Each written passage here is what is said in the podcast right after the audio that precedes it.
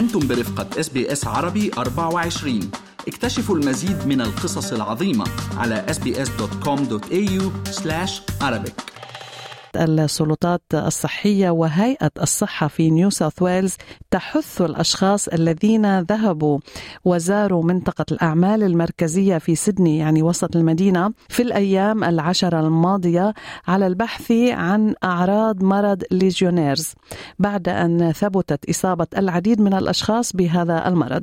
وهناك مخاوف من احتمال تعرض العشرات من الأشخاص الذين توافدوا إلى وسط المدينة إما للاحتفال بليلة رأس السنة أو للتسوق في اليوم التالي لعيد الميلاد، فبعد تدفق ملايين الناس على وسط مدينة سيدني للاحتفال بالأعياد والتسوق الأسبوع الماضي وما قبله، صدرت الآن تحذيرات لهم ليكونوا في حالة تأهب لمواجهة مرض ال Legionnaires بعد دخول سبعة أشخاص مصابين المصابين بالمرض إلى المستشفى كما ذكرنا.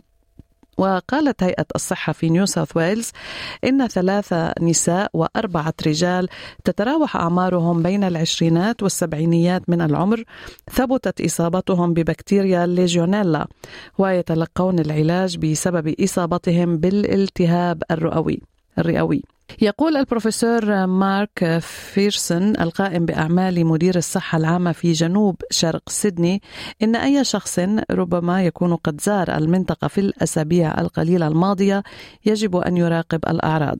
منوها إلى أن الأعراض المبكرة تبدأ بالشعور بالحمى والحرارة والقشعريرة والأوجاع والآلام والسعال. وإذا تقدمت فإن ضيق التنفس يعد علامة على تحوله إلى التهاب رئوي. ومن ثم تتدهور الحالة بسرعة بعد ذلك. لذا من المهم أن يذهب الأشخاص الذين تظهر عليهم هذه الأعراض إلى الطبيب كما يقول البروفيسور مارك فيرسون.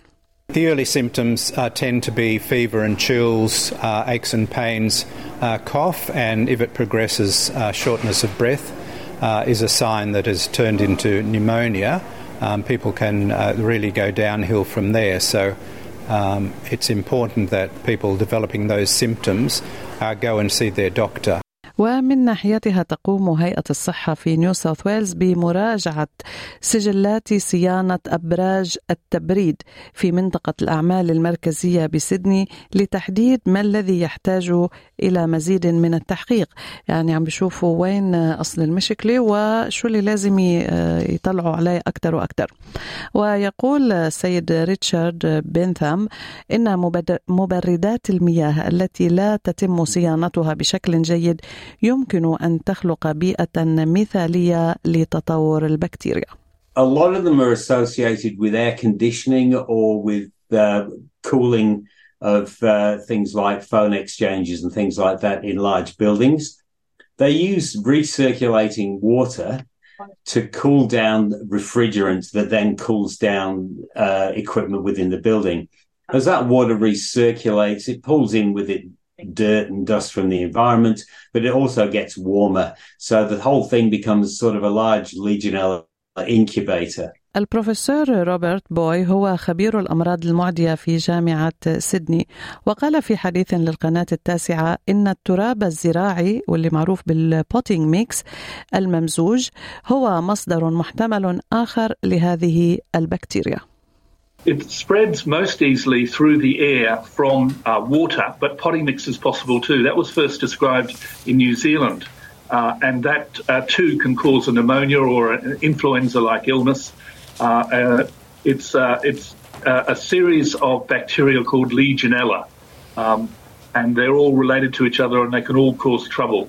And most commonly, it comes through air conditioning, but it can come through potting mix as well.